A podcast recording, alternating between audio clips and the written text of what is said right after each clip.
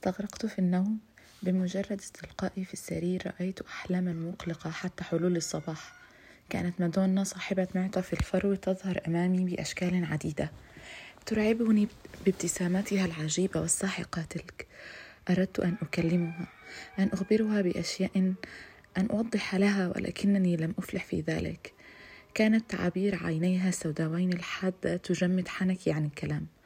وعندما كنت أرى نفسي كمحكوم عليه وأرى عدم استعدادها لتغيير حكمها أرتعد وأقع في قنوط شديد. استيقظت قبل انبلاج الصبح وانتابني صداع وانتابني صداع بمجرد استيقاظي. أشعلت المصباح وحاولت قراءة بعض الأشياء. كانت السطور تمحى من أمام عيني. وتظهر من بين الغبش في وسط الصفحات البيضاء عينان سوداوان ساخرتان كانتا تضحكان بصمت على بؤسي. لم أستطع تهدئه نفسي رغم علمي بأن ما رأيته البارحة كان محض خيال فقط. ارتديت ملابسي وخرجت. كان صباحا باردا ورطبا من صباحات برلين لم يكن في الشوارع أحد عدا اطفال يجرون عرباتهم اليدوية لبيع الحليب والزبدة والخبز للمنازل. وفي طرف الشارع رجال شرطة يحاولون تمزيق بيانات ومنشورات ألصقها بعض المتمردين. مشيت بمحاذاة ضفة النهر حتى تجرتان. على سطح المياه الساكنة أوزتان تطفوان من دون أي حركة وكأنهما دميتان. العشب ومقاعد الحديقة مبتلة بالندى. على الأرض كانت هناك صحيفة مجعدة وشبه ممزقة ودبوس شعر. عندما رأيتها تذكرت حالي ليلة البارحة. على الأرجح أن فراو تيدمن أوقعت الكثير من دبابيس الشعر في الحانة والشوارع. والآن يحتمل أنها تغط في نوم عميق بجانب هيردوبكا. وربما تفكر بأن لا ضرورة لاستيقاظها مبكرا وعودتها إلى غرفتها قبل استيقاظ الخدم. ذهبت للمصنع أبكر من العادة وحييت البوابة من قلبي. عزمت على التخلص من أوهامي من عن طريق الانشغال والانهماك حتى رأسي في مشاكل العمل. وبجانب مرجل الصابون الذي تفوح منه رائحة الورد دونت في دفتري ملاحظات طويلة. سجلت حتى أي نوع من الشركات صنعت المكابس التي نستخدمها للوسم على الصابون. كنت أتخيل نفسي مديرا لمصنع الصابون الكبير الذي سأؤسسه في تركيا. وأتخيل صابوني الوردي والبيضاوي الشكل مختوما بشعار محمد رائف هاوران مغلفا بأوراق تعبق برائحة جميلة. وهو ينتشر ويشتهر في كل أرجاء تركيا. لاحظت بحلول الظهر أن همي وقلقي بدأ بالتلاشي وأن وأني بدأت أرى الحياة بلون وردي. عرفت لأي قدر كنت أكدر على نفسي بأمور تافهة وألقيت باللوم كله على كوني شخصا حالما واهما منغلق على نفسي أنسج الخيالات. لكنني سأتغير اليوم. سأقلل من قراءة الكتب التي لا تتعلق بمهنتي. ما الذي ينقص ابن أشراف مثلي كي يكون سعيدا؟ في هاوران كانت تنتظرني مزارع زيتون أبي ومصنعين ومتجر صابون. بأخذي لحصص أخواتي الكبار متزوجات من أغنياء سأعيش كأحد تجار تركيا المعتبرين. دحر الأعداء من الوطن وحرر الجيش الوطني هاوران. كان أبي في رسائله مسرورا محتفلا مسطرا إياها بجمل تعبر عن حب الوطن. وحتى نحن هنا تجمعنا في السفارة التركية وذقنا شيئا من طعم الانتصار. بين حين وآخر كنت أخرج عن صمتي المعتاد وأشارك مع هيرتوبكا وأصدقائه الضباط بآرائي في مواضيع إنقاذ ألمانيا وثورة الأناضول استنادا على ما لدي من معلومات. في تلك الأجواء لم يكن هناك ما يناغص علي. ما الدور الذي ستلعبه صورة لا معنى لها أو حتى ذات معنى مهما يكن منبثقة عن رواية من نسج الخيال في حياتي؟ لا من اليوم فصاعدا سأتغير تماما. إلا أنه رغم كل هذا وبمجرد انتشار الظلام وحلول المساء جثم على صدري غم لا سبب له. وكي لا أواجه فراو تدمن على سفرة الطعام قررت أن أتناول طعامي في الخارج وشربت كأسين من الجعة لكن على الرغم من كل محاولاتي إلا أني لم أستطع استعادة روح التفاؤل التي كانت تغمرني في النهار. كأنما كان هناك في زوايا قلبي المخفية شيء مضغوط يسحق.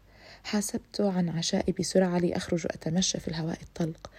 راجيا أن يتحسن مزاجي في الخارج كانت قد بدأت ذرات المطر بالتساقط بينما كانت السماء مكفهرة. كان بالإمكان مشاهدة انعكاس أضواء المدينة الحمراء الكثيفة على السحاب المنخفض المار من فوق تلتنا. جاء بالمسير إلى جادة كورفورستاند من الراحبة والطويلة. هنا كانت السماء تأخذ وضعا مشعا وكانت حبات المطر الذي يهطل من ارتفاع مئات الأمتار تأخذ لونا برتقاليا.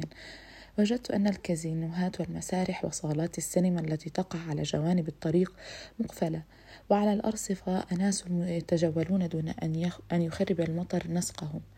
كنت أمشي الهوينة مفكرا بأشياء كثيرة لا علاقة لها ببعضها وكأنني بذلك أحاول إبعاد فكرة مصرة على الظهور. كنت أقرأ كل اللافتات واليافطات وأدقق في الإعلانات الضوئية. قطعت الجادة الممتدة لعدة كيلومترات أكثر من مرة ذهابا وإيابا. ثم منحنيا إلى اليمين. مشيت باتجاه ميدان ويتنبرغ. هنا وعلى الأرصفة المواجهة لسوق كبير يدعى كاداوي. يتجول شبان مرتدين أحذية حمراء وصابغين وجوههم كالنساء. ينظرون إلى الذاهب والقادم من المارة بنظرات غاوية. أخرجت ساعتي. كانت تتجاوز الحادية عشرة. معنى هذا أن الوقت تأخر. بدأت خطواتي بالتسارع فجأة. سلكت طريق ميدان نولدروف القريب. هذه المرة كنت أعرف وجهتي جيدا. هناك وفي نفس هذا الوقت من, ليلة البارحة. صادفت مادونا صاحبة معطف الفرو. كان الميدان خاليا وفي طرفه الجنوبي ومقابل بناء المسرح كان يتجول أحد أفراد الشرطة. دخلت إلى الشارع المواجه له وجئت إلى المكان الذي توقفنا به أنا وفراو تدمن ونحن ثمنين ثبت عيني أسفل عمود الإنارة وكأن الشخص الذي أبحث عنه سيظهر إلى الوجود فجأة. رغم كل إقناعي وتلقيني لنفسي بأنه ما رأيته كان مجرد وهم إلا أنني ها هنا الآن. أنتظر هذه المرأة أو هذا الخيال. منذ الصباح كان النسيم يهفهف مقابل البناء الذي كنت عنده. مجددا أصبحت كما كنت في السابق لعب بيد خيالات البعيدة عن الدنيا وعالم الداخلي. في هذه الأثناء تماما ظهر شخص يمشي من منتصف الميدان مارا باتجاه الشارع الذي كنت أقف فيه. اختبأت عند أحد أبواب الأبنية التي كانت هناك وانتظرت وعندما مددت رأسي خارجا ونظرت تعرفت على مادونا صاحبة معتف الفرو من خطواتها القصيرة والحادة. لا يمكن أن أخطئ هذه المرة لم أكن سكرانا. في هذا الشارع كانت أصداء صوت كعب حذائها تتردد مصطدمة بجدران البيوت على جانبي الطريق. بدأ قلبي يؤلمني وكأنه يتفتت وازدادت نبضاته بالخفقان بسرعة عجيبة. كان وقع أقدامها يقترب أكثر. أدرت ظهري إلى الشارع وانحنيت على الباب متظاهرا بأني أحاول فتحه للدخول.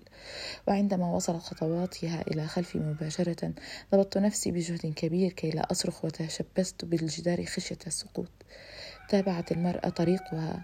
خرجت من مخبئي وبدأت بتعقبها خوفا من أن تفلت عن ناظري من جديد. لم أرى وجهها. ورغم كل خوفي ورهبتي من مواجهاتها إلا أنني أمشي الآن خلفها على بعد خمسة أو ستة خطوات. لك لم يكن يبدو عليها أنها لاحظت ذلك. لماذا أتيت إلى هنا؟ وانتظرتها إذا كنت سأختبئ متواريا عنها. ولأي هدف أمشي خلفها الآن؟ هل هذه هي يا ترى؟ من أين حك من أين حكمت بوجوب مرورها من نفس الشارع وفي نفس الوقت من الليلة التالية؟ لم أكن في وضع يسمح لي بالجواب على كل تلك الأسئلة.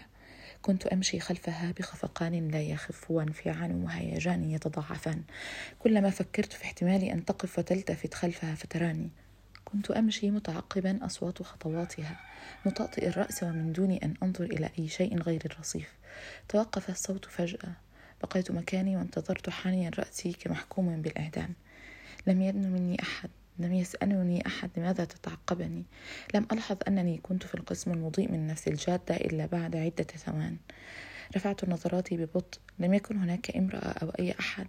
وعلى بعد بضع خطوات كان هناك ناد ليلي مشهور جدا.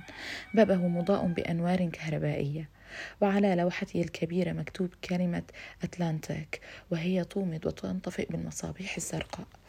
وتحتها بالأنوار أيضا أشكال تشبه أمواج البحر.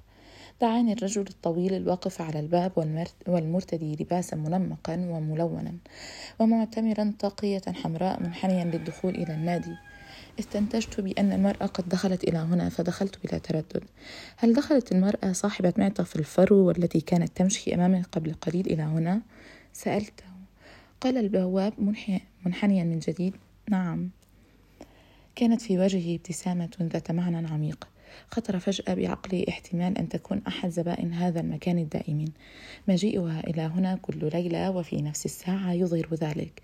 خلعت معطفي وأنا آخذ نفسا عميقا ومستريحا وولجت إلى القاعة.